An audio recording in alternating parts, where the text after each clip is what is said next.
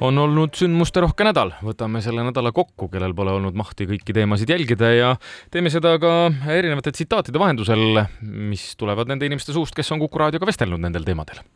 nädala alguses tabas Moskvat droonirünnak. Ukraina teatas, et nemad rünnakut ei korraldanud. sõjablogija Artur Rehi rääkis äratajale, et droonid olid sellised, mida varem polnud nähtud Need on tegelikult päris sarnased, mitte et ma teaks, mis drooni kasutati, aga kui sa vaatad juba videot, on aeglane, ta on vali, põhimõtteliselt Shahed droon, lendab mm. kaugele, lõhkelaengut oli kindlasti palju vähem, no Iraani Shahed droon, eks ole mm -hmm., sihuke mood, mopeedi hääl nagu lendav mopeed õhus, eks ole, hästi aeglane, näeb Shahed ei näe muidugi niisugune välja, tema nägi välja nagu tagurpidi lennuk, täiesti nagu glitch Matrixis mm. ja lõhkelaengut öeldakse kuni kümme kilogrammi, Shahedis pidi olema vist nelikümmend, et Shahedis on suurem siis plahvatus.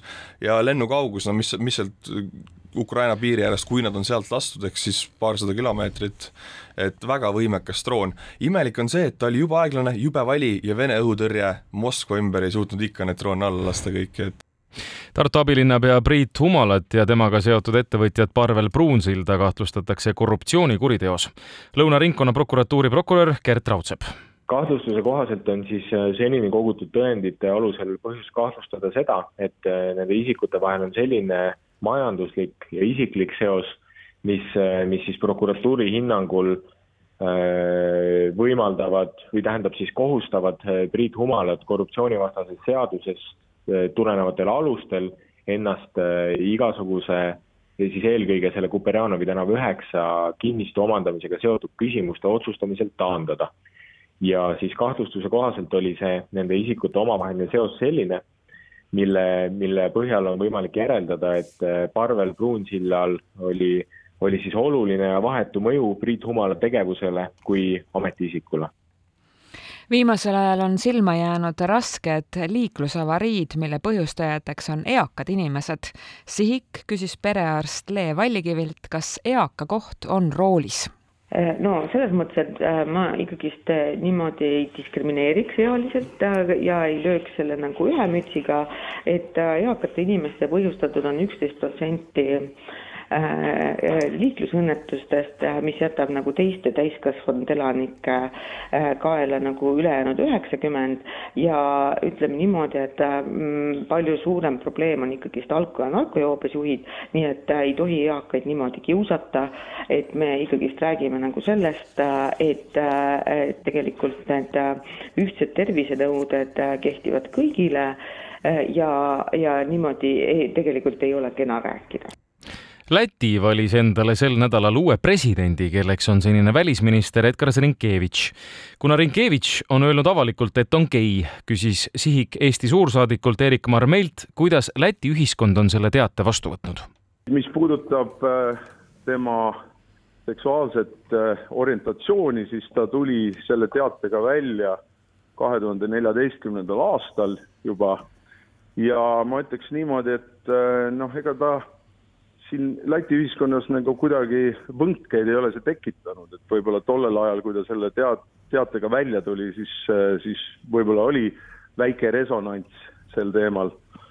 aga üldiselt on ühiskond selle, seda aktsepteerinud ja, ja, ja, ja mingit probleemi nagu selles ei nähta sel nädalal tähistati lastekaitsepäeva. eeskuju liikumine Valge õhupall on välja käinud idee, et nimetada lastekaitsepäev ümber lastepäevaks.